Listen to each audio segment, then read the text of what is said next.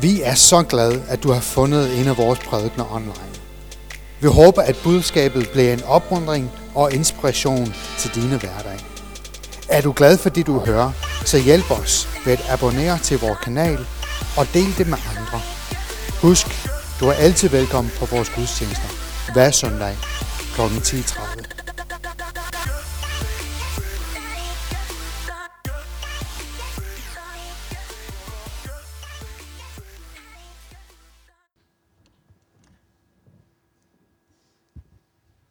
Jeg troede, Jytte var den sidste, der brugte det, men det må have været den anden. Den var helt heroppe, den her.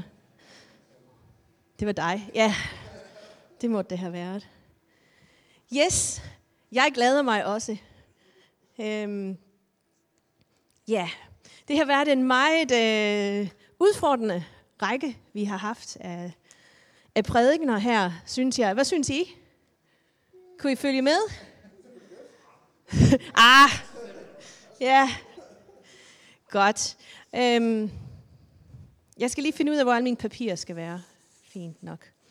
Yes, det har været ståsteder. Og nu skal I høre, hvad jeg får lov til at tale om. Er I klar? Nu skal vi lige se, om computeren også er klar.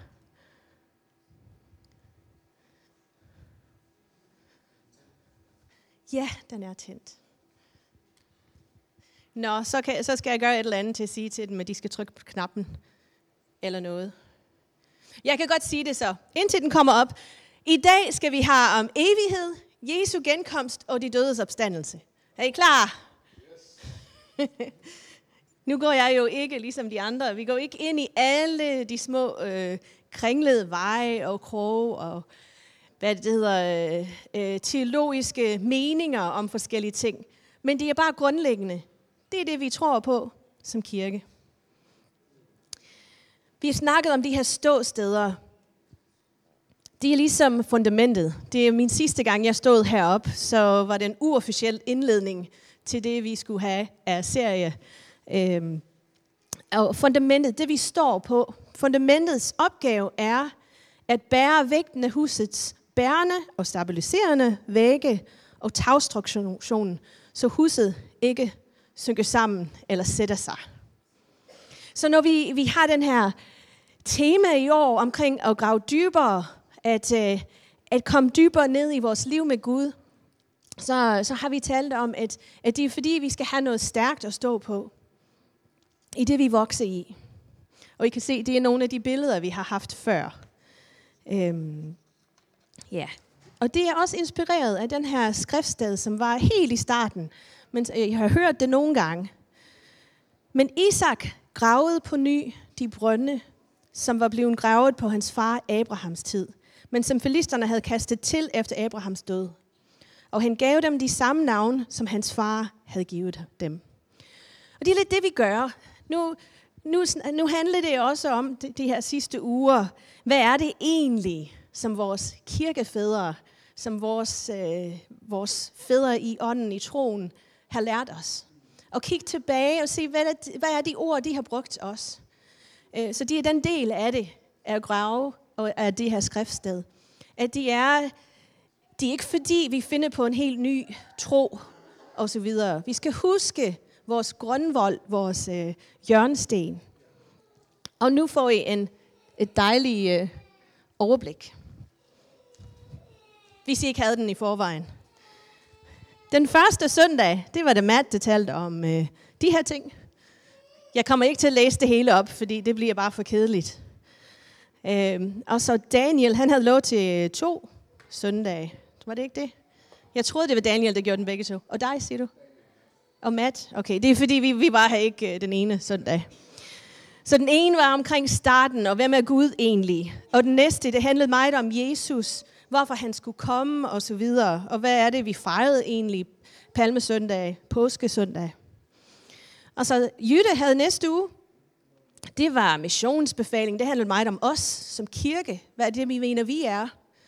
Og nu er det mig med, hvad så fremadrettet, kunne man sige. Øhm. og så er det sådan, som Jytte sagde, at vi bygger på nogle trosbekendelser. Øhm, og dem har jeg faktisk taget med til jer, så I kan få den med i jeres bibel eller noget. Jeg har taget både den apostolsk bekend, trosbekendelse og den nikensk. Jeg var som, som barn, vokset jeg op med, øh, med øh, at bekende og sige den nikansk hver søndag. Det er også det, vi lærte, da jeg blev konfirmeret. Vi gik igennem linje for linje, for at vi fik en sand tro. I den Luthers kirke, det, der er der jo katekismus, som fortæller alle de små ting. Så den lyserød er på engelsk, og den hvide er på dansk, hvis det er. Yes. Det er bare så, øh, hvis I vil slå det op igen, hvorfor gør vi alle de her ting? Det er, det er derfor, kunne man sige. Så har jeg også noget med i lommen. Yes.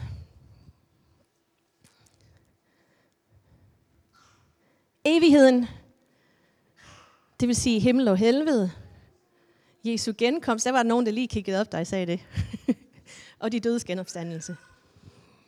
Jeg talte med en ung kvinde forleden, og jeg fortalte hende, at jeg skulle prædike i dag. Og hvad jeg skulle prædike om.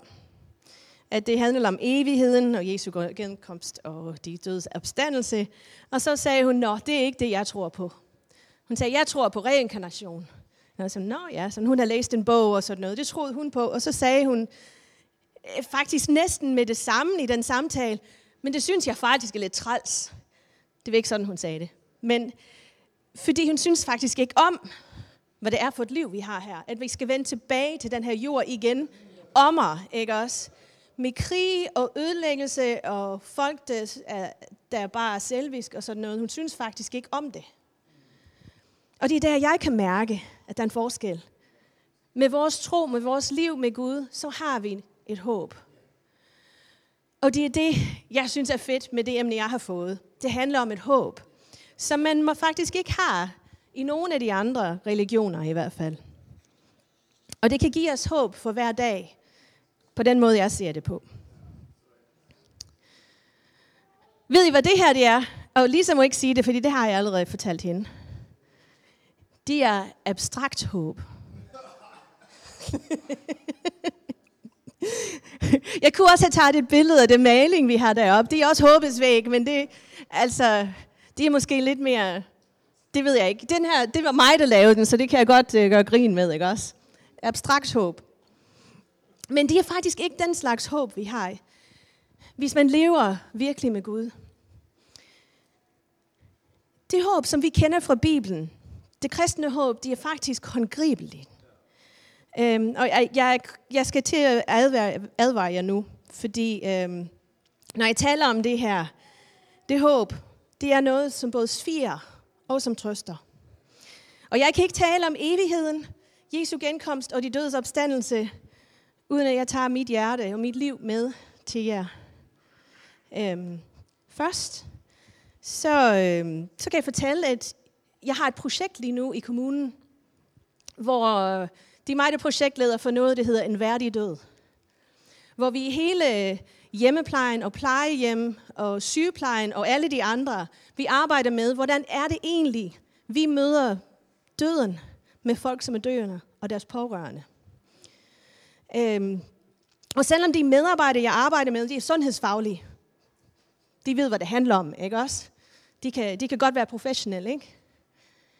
Faktisk er det sådan, at når, når jeg kommer ud og holder oplæg og fortæller dem om, hvad smerte er, øh, hvordan man skal være i, øh, at der er en, der dør omkring dig, så plejer der at være nogen af dem, jeg snakker med, som får tøj i øjnene. Fordi det er faktisk noget, vi kan mærke.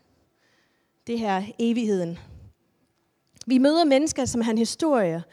Og selvom vi taler om faglighed og professionalisme, det er det, vi, vi skal arbejde med, så har vi altid den her anden side med.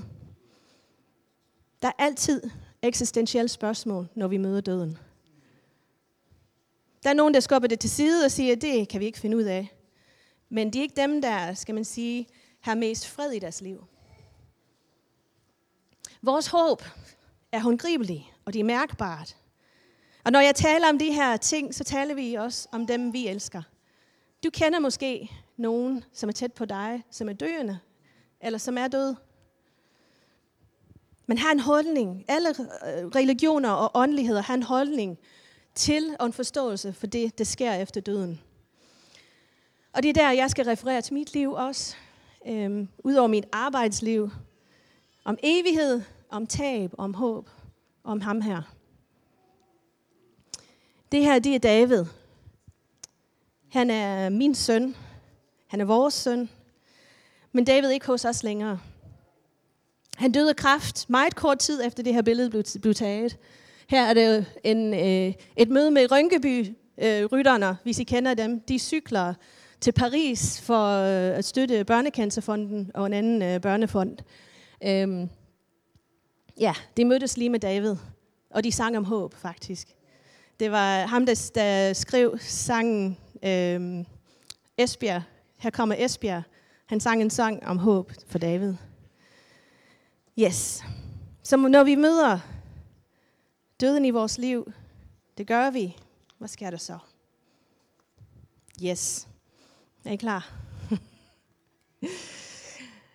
Når vi taler om evigheden og kristendommen, så taler vi om himlen og helvede. Øhm, det er det, vi tror på som kristne. Øh, I hvert fald, hvis man øh, skal undervise i kirken, det er det, man tror på, kan man sige. Jeg siger ikke, at I skal tror præcis, som jeg beskriver her, men det er det, kirken underviser om det. Og ikke kun vores kirke, men det er basal kristen øh, teologi. Egentlig burde vi starte med helvede. Så det er det, jeg starter med. Fordi øh, Daniel underviste i forhold til 17 om Jesu offer på korset, og Matt gjorde, om menneskets behov for frelse. Uden Jesu død på korset og genopstandelse, var vi egentlig alle sammen dømt til evig adskillelse for Gud. Og det er det, helvede er. Bibelen fortæller os, og det vi tror på at stå, som ståsted, at der findes en helvede. Det står der faktisk mange steder i Bibelen. Der er nogen, der påstår, at det ikke gør, men bare læs Matteus evangeliet, og Jesus siger det i hvert fald fem gange, måske flere, jeg har ikke talt det. Alle menneskers naturlige bestemmelsessted på grund af arvesynden, det er faktisk helvede, fordi alle har faldet.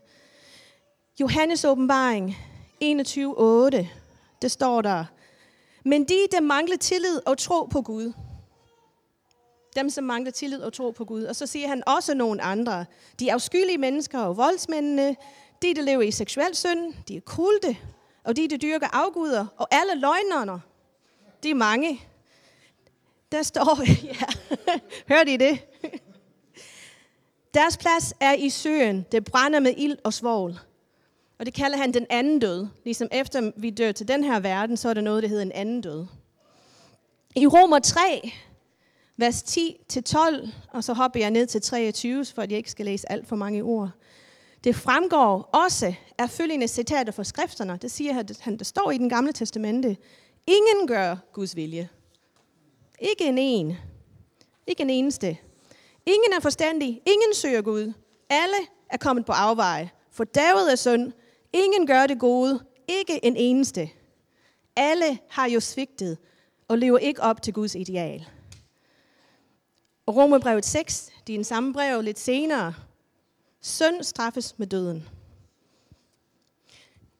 Så basal kristen tro er, fordi vi er født med arvesynden, så er vi alle på vej til helvede for evigheden, med mindre Gud griber ind. Og derfor er det også meget godt, at inden den undervisning om himlen og helvede, som jeg har, at Daniel og, og Matt har fortalt om, jamen der er noget andet. Jesus har gjort det. Han, han er svaret på den skabne, vi har. Og de er åbne for alle. Og så Paulus, i, i resten af den sidste skriftsted, jeg havde, Sønnen straffes med døden, det er resten. I samme åndedrag, det siger øh, Paulus. Men Gud skænker det evige liv gennem Jesus, vores frelse og Herre. For mig betyder det faktisk, at himlen, den, den smager ikke så sødt. Man kan ikke forstå håbet og glæden ved himlen og en fremtid med Gud, hvis ikke man forstår den anden, som er faktisk det, vi alle sammen er på vej hen til, hvis ikke Jesus.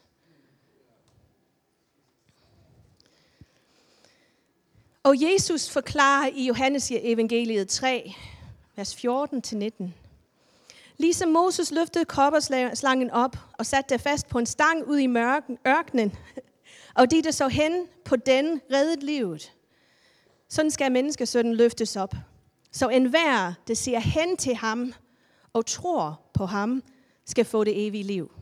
Se hen til og tror på, at han skal nok ordne et eller andet for mig. Gud elskede nemlig verden så højt, at han gav sin eneste søn, for at enhver, der tror på ham, ikke skal gå fortabt, men få det evige liv. Så han kunne altså ikke lide, Gud kunne ikke lide, at det var sådan, det var. Så derfor offrede han Jesus. Igen, det evige liv, det kan man ikke forstå, uden at forstå helvede. Og hvor meget, hvorfor Gud vil redde os fra det. Gud sendte ikke sin søn til verden for at dømme verden, men for at verden gennem ham kunne opleve frelse.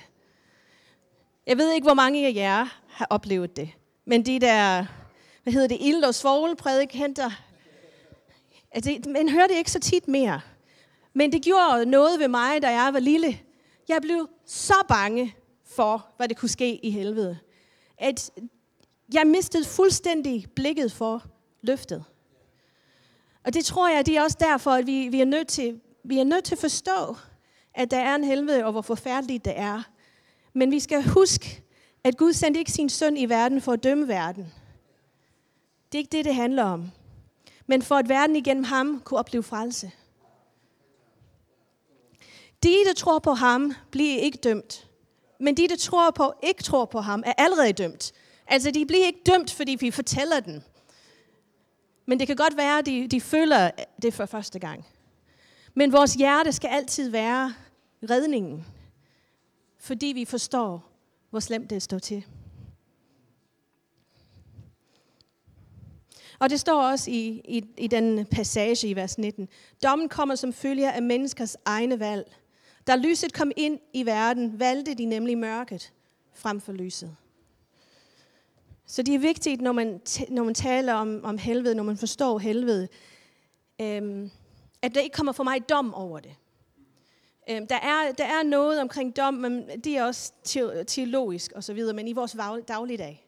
Ikke også husk, at grunden til, at vi skal forstå det, at der er en helvede, det er, så vi forstår, hvor stor en gave vi har fået, og hvor vidunderligt det er, at Gud har reddet os gennem Jesus. Nu vil jeg læse en historie. Og det er en historie, som Jesus fortæller i Lukas evangeliet. Det må I gerne slå op i, fordi det gør jeg alligevel.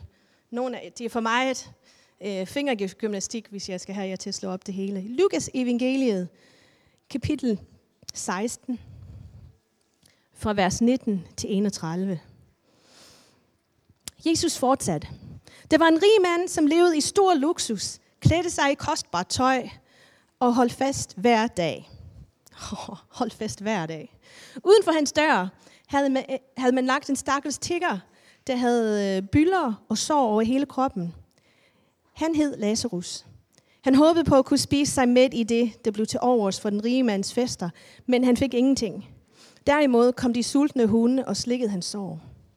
Den stakkels mand døde, og englene bar ham hen til Abraham, hvor han fik lov til at ligge til bords ved hans side.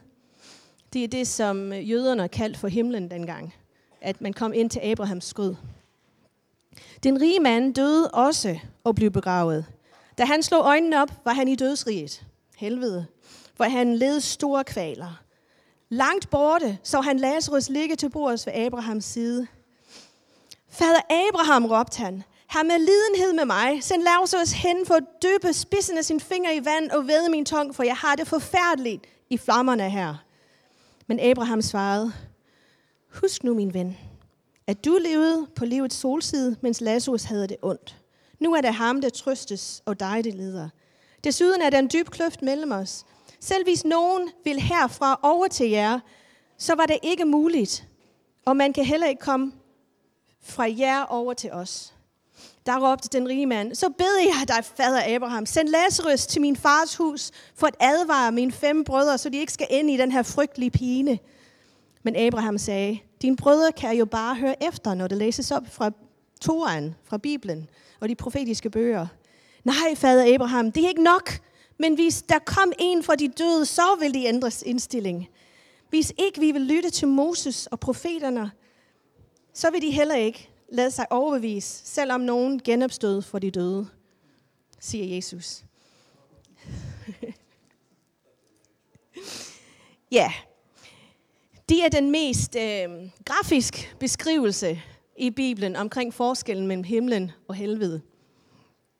Og øh, der var nogle af jer, der, der grinede lidt, fordi øh, det var jo før Jesus døde og blev genoprejst fra de døde. Og det fortæller han, det er lidt ligesom en, øh, en, en, en lille prik, sådan, prøv lige at høre efter. prøv lige at høre efter. De forstod det ikke, dem der lyttede. Heller ikke, da han sagde til dem direkte, at han vil dø og genopstå. Men øh, er man kristen, det står overbevist. Det bliver ikke overbevist. Men som kristen, så er man overbevist på en eller anden led, at ja, Jesus var sandheden. Og så er det der, vi står som Lazarus. Fordi vi har set lyset, og vi følger ham. Det er i hvert fald vores fundament, vores tro, at, at det er vores position, kan man sige. Så man kan ikke i en kristen tro, med udgangspunkt i vores trosbekendelse heller ikke, ikke tro på en helvede. Det er derfor, Jesus var nødt til at dø. Og det er derfor, vi fortæller andre om livet med Jesus. Fordi vi holder af den. Og vi kan se, at hvis de ved det, så kan de blive frelst for evigheden. Det var en dag, hvor jeg græd i bilen, fordi jeg savnede min dreng så meget. Altså, det var ikke kun én dag, skal vi sige det på den måde. Men det var en bestemt dag. Og det kan stadigvæk ske for mig nu, syv år efter, at jeg har en dag, hvor jeg græd i bilen. Øhm. Men den dag, jeg græd, og jeg fortalte Gud, hvor meget jeg savnede min dreng. Og det var som om, han svarede tilbage i mine tanker. Han sagde, ja, jeg kender det godt. Sådan har jeg det med alle dem, som er skabt til at være min, og som ikke vil mig. Det ændrede lidt min, øh, min måde at tænke på. Min måde at kende Guds kærlighed på. Gud elskede nemlig verden så højt. Og den fortabelse, den er evig. Så på grund af kærligheden sendte han Jesus. Og der er en fremtid med Gud i himlen. Åbenbaringens bog, den åbner jeg også. Ja, åbenbaring. Kapitel 21. Vis I følge med i jeres bibel, så er det næsten den sidste side. Åbenbaringens bog, kapitel 21, vers 3 og 4. Så hørte jeg en høj stemme fra tronen. Se, Guds bolig er nu hos menneskene. Han vil bo sammen med dem, og de skal være hans folk. Han vil tørre hver en tår af deres kind, og der skal ikke længere være død eller sorg, skrig eller smerte. Alt det gamle er forbi. De er vores håb. Han tørrer hver en tår fra vores kind.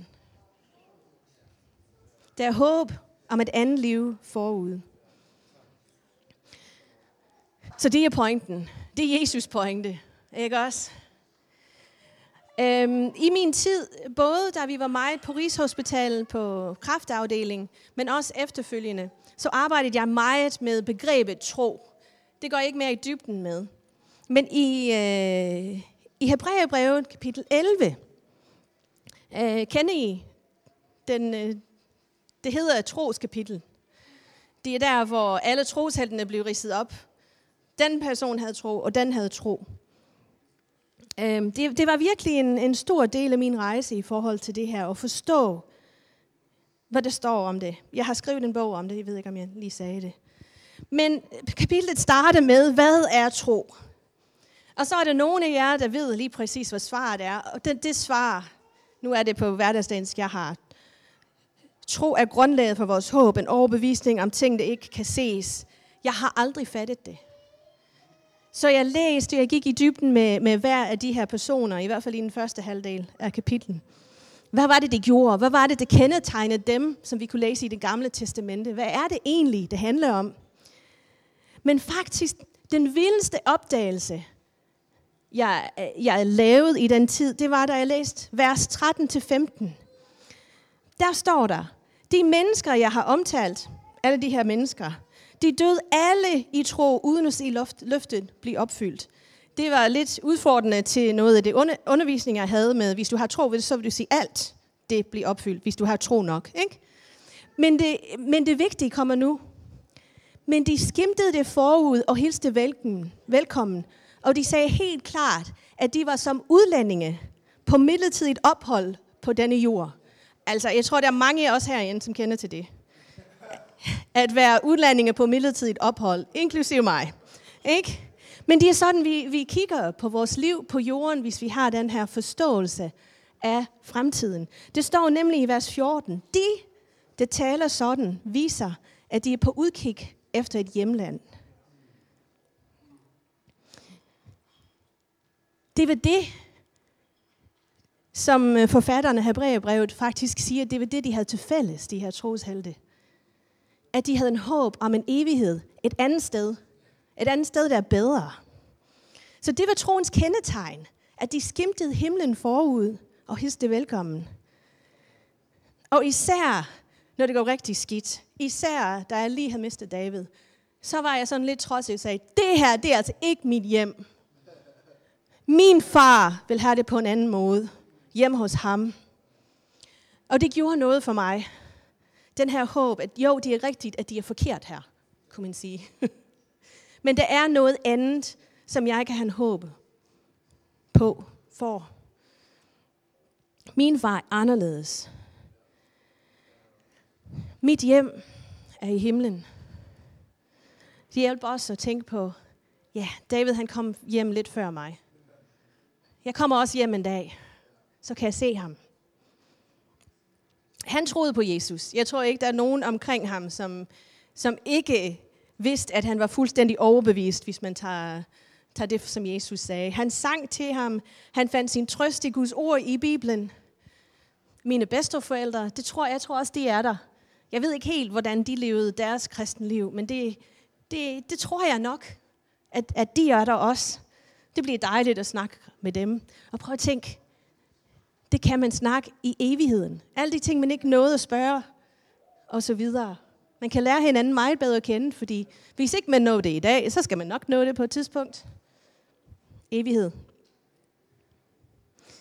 Så himlen er vores håb. Men det er også der, det sviger.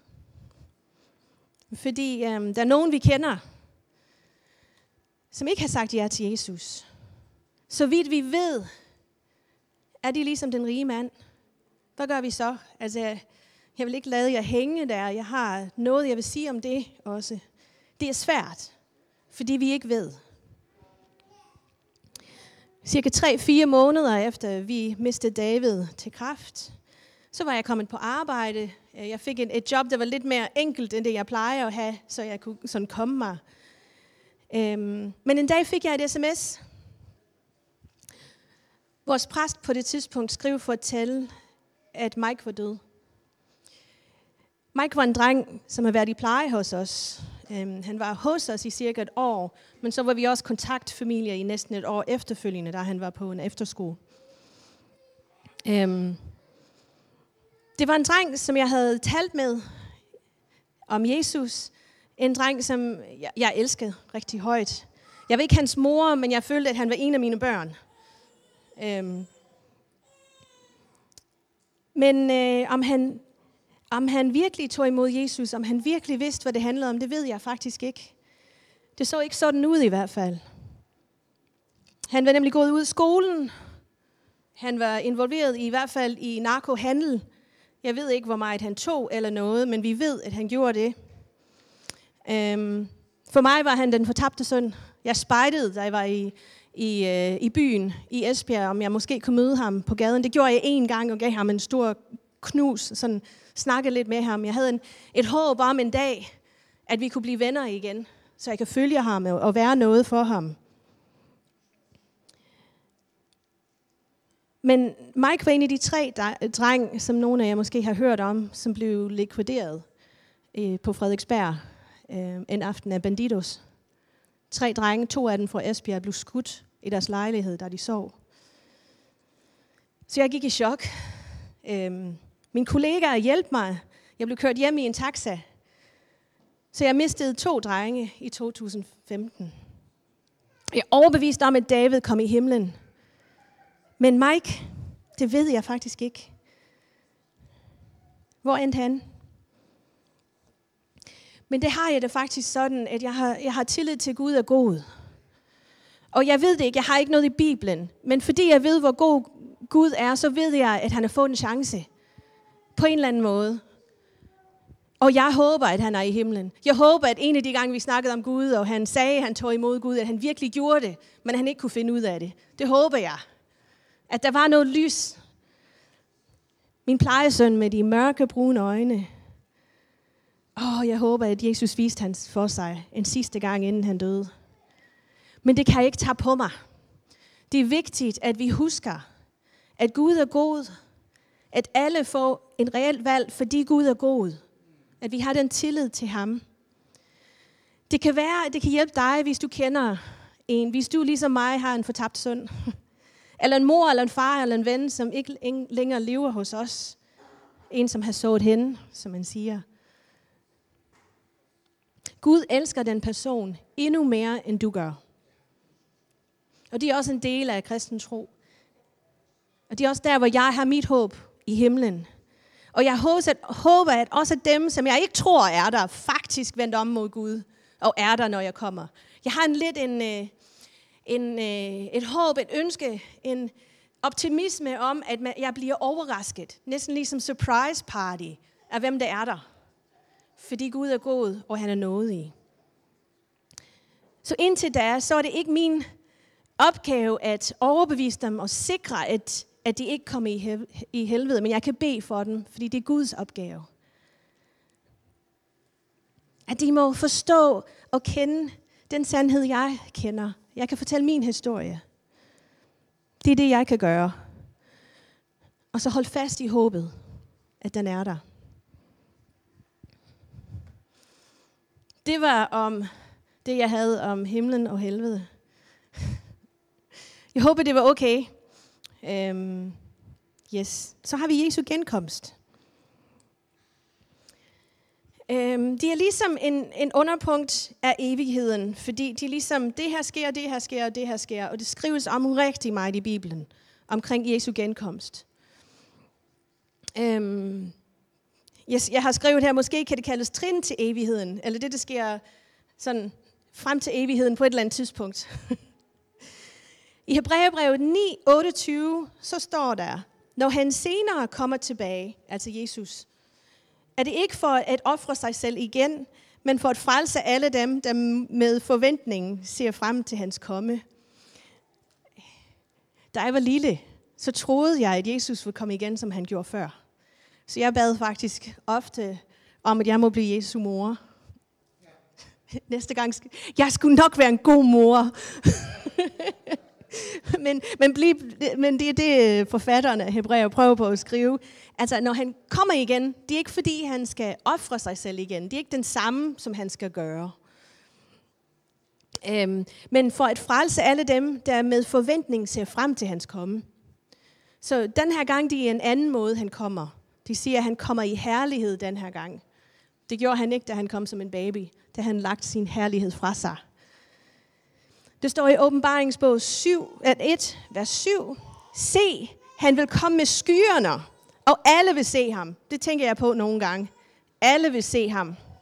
Så jeg tænker, han må komme fra, fra vest, ikke også? Stå i, i, nej, fra øst.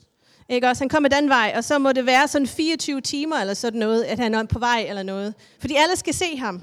Undskyld, det var, det var ikke teologisk korrekt. Det var bare mine tanker om det. Der er, også, der er også nogen, der har sagt, måske er det, fordi han kommer i fjernsyn på en eller anden måde, så alle kan se det. Jeg ved det ikke. Undskyld. Alle skal se ham. Også dem, der, øh, der gennemborede ham. Også dem, der straffede ham. Alle jordens folkeslag vil jamre, når han kommer.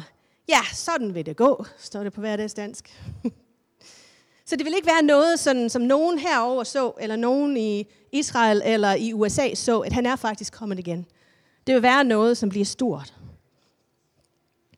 I 1. Thessaloniker står det i kapitel 4, vers 16. Herren selv vil stige ned fra himlen, og det vil lyde et mægtigt kommandoråb, en overengels røst og en fanfare fra Guds trompet. Bam, bam, bam. Okay, måske er det ikke den, men så vil alle først de, der er døde i troen, på Kristus genopstå. Så han kommer igen, det er den første underpunkt, kunne man sige. Jeg skal lige huske, at så kan man også læse, ikke? Og så er det næste punkt, der er ingen ved, hvornår. Der er rigtig mange, der siger, nu er det nu. Der er nogen, der siger, at de er en bestemt dato. Men en af de ting, der står meget klart i Bibelen, det er, ingen ved, hvornår. Matthæus 24, 36. Det er Jesus, der siger. Jesus siger, ingen kender dagen eller tidspunktet, hvornår det vil ske. Ikke engang Guds engel. Ikke engang jeg selv. Kun faderen ved det. Og så står der lidt senere i Matthæus 24, vers 44. Derfor skal I altid være parate, for I ved ikke, hvornår jeres herre kommer tilbage. 2. Peter 3:8. Elskede venner, husk på, at for Gud er en dag som tusind år, og tusind år som en dag. Er det rigtigt, det tidspunkt? Hold da op. Undskyld. tålmod, han er tålmodig over for menneskeheden, fordi han ikke ønsker, at nogen skal gå fortabt, men at alle skal få lejlighed til at tage afstand, afstand fra deres synd og tage imod deres frelser. Så vi ved ikke, hvornår, men det er ikke fordi, han, han er ligeglad med os. Det er fordi, han vil have, at det er på det rigtige tidspunkt, og så mange kan komme med som muligt. Og så når han kommer, det er så den næste, den tredje punkt, så kommer der en ny himmel og en ny jord. Så det i åbenbaring 21, jeg læser ikke den op. Øhm, ja, nej, det gør jeg. Fra vers 1. Det står faktisk, at når Jesus kommer, så vil man se en ny himmel og en ny jord. Fordi den første himmel og den første jord var forsvundet, og havet er der ikke mere. Og så kommer der den nye Jerusalem ned, så han er faktisk, alt det ødelæggelse, vi kender fra vores jord, det bliver fjernet. Så i evigheden lever vi i et helt andet fysisk verden. Når Jesus kommer tilbage. Og så den sidste i forhold til det. Vi har en ny jord og en ny himmel og en fysisk verden. Så er det faktisk en del af de, af, af det her omkring evigheden, at de døde genopstår. Vi ved, at Jesus genopstod, det har vi snakket om. Og der står faktisk, at øh, de er en kernepunkt i kristen tro. De er på den der øh, creed, det der øh, trosbekendelse, at vi tror på de dødes genopstandelse. Det står også øh, i Romerbrevet, øh, at alle, som bekender, at Jesus er genoprejst for de døde, altså det, det er faktisk en del af det, som er din tro. Det er dem, der bliver frelst, hvis du tror, at Jesus genopstod fra de døde. Så øh, der er faktisk mange, der undrer sig over det, men det er det, der står. En rigtig fysisk genopstandelse. Øh, de to fra Emmaus, de, de gik en tur med Jesus, efter han var genoprejst. Og de vidste ikke engang, at de vidste ikke engang, at, at det var Jesus. Så det var ikke ligesom en spøgelse, de gik med ham med den. Thomas, som var tvivleren, han mærkede Jesu hænder og side. Så det var fysisk. Men samtidig med, så han ikke helt ud, som han plejede. Den der, de der rejser, de, de kunne ikke helt genkende ham. Der var noget andet over ham. Og det samme med Thomas. Han, han kendte jo Jesus. Hvis han så præcis sammen ud som nu, eller ikke nu, som, som dengang han kendte ham, så har det været lidt nemmere at genkende, ikke også? Og det står flere steder i Bibelen, at der er en fysisk genopstandelse, ligesom Jesus. De sammenligner det med Jesus. Men på en eller anden måde, så er det bedre. Er det ikke også noget, man kan glæde sig til? Altså, det kan godt være, at man har lidt ar og sådan noget, men, men kroppen fungerer på en anden måde, ikke også? Det står, at de er med kraft og sådan noget. Det der med, at, at hvis man, måske, min, min tanke er, det betyder også, hvis man har, øhm, er blevet lammet på grund af noget med den her verden, det er blevet kørt ind i eller noget, at det er sådan noget, det, det bliver anderledes. Vi har en herlighed, det kommer, og en håb. Så det ikke er mig som skrøbelig, som kommer til at leve hele mit liv sådan her.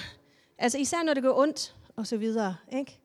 Jeg tænker, den nye i den her genopstandelse, vi blev lovet en, øh, en herlig krop, men det er også fysisk, at man bliver genopstået. Og det er det, som, øh, som man beskriver, og som man argumenterer for, for i, øh, i det nye testamente, hvor man prøver på at forklare det.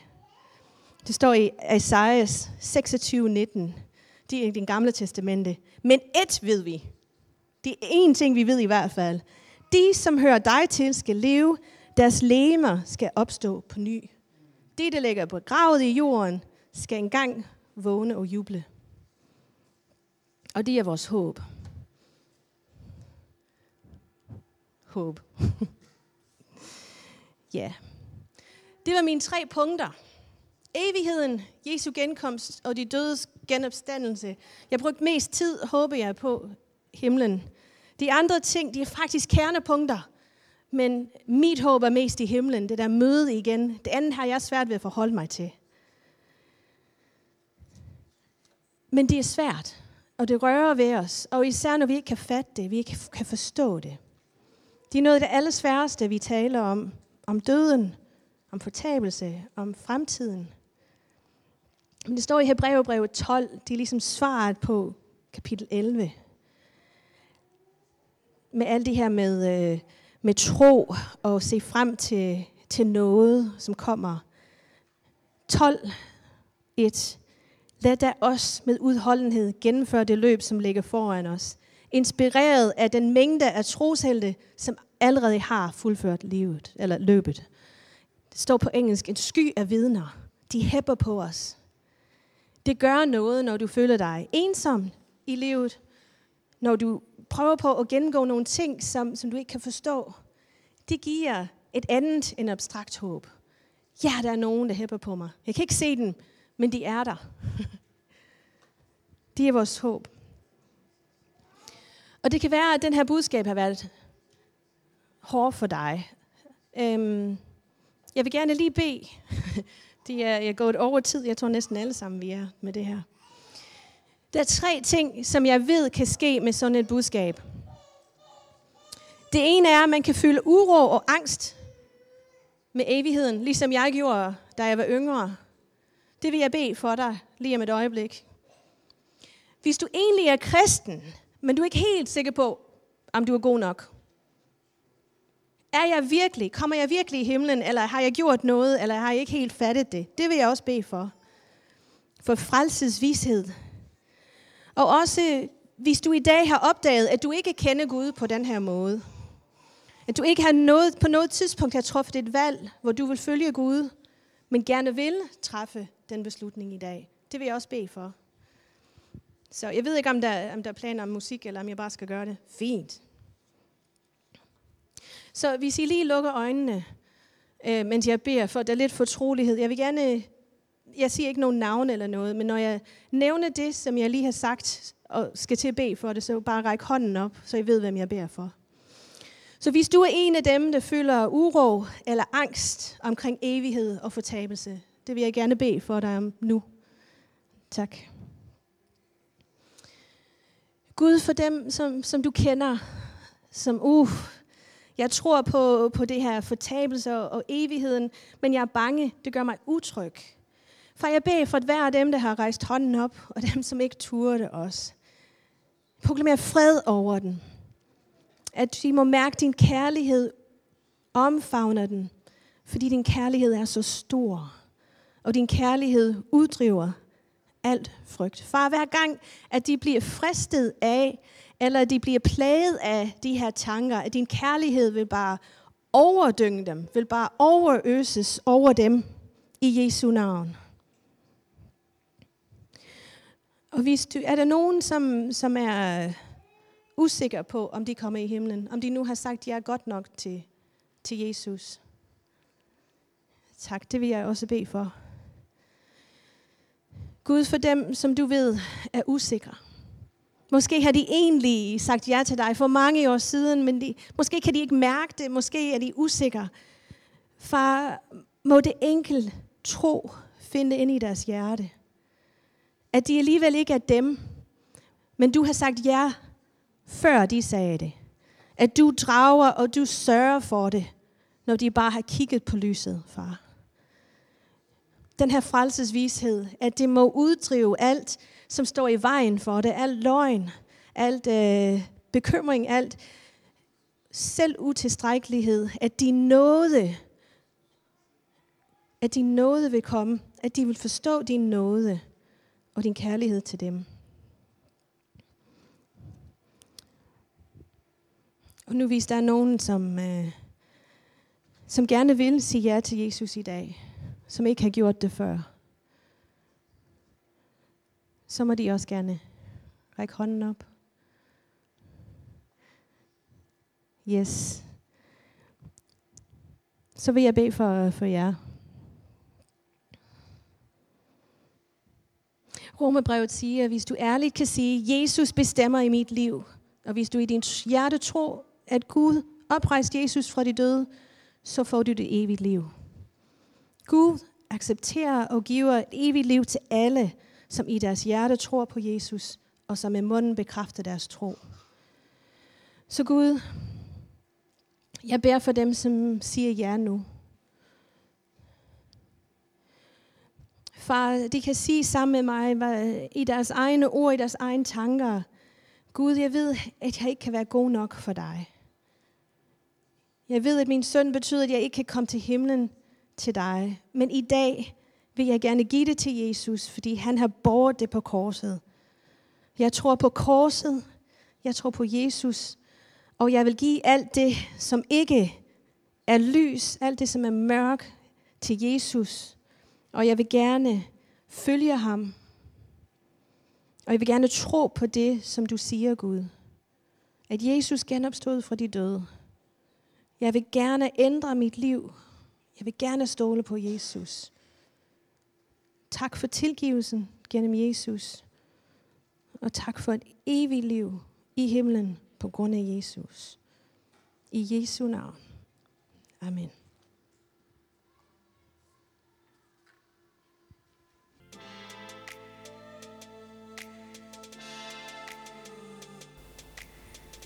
Hey, tusind tak, fordi du har lyttet til en af vores prædikner. Vi håber på, at du er blevet velsignet og opmuntret af det, du har lyttet til. Det vil betyde rigtig meget for os, hvis du kunne dele det med andre, eventuelt skrive en kommentar eller abonnere til vores YouTube-kanal. Men tak for i dag, og Guds fred.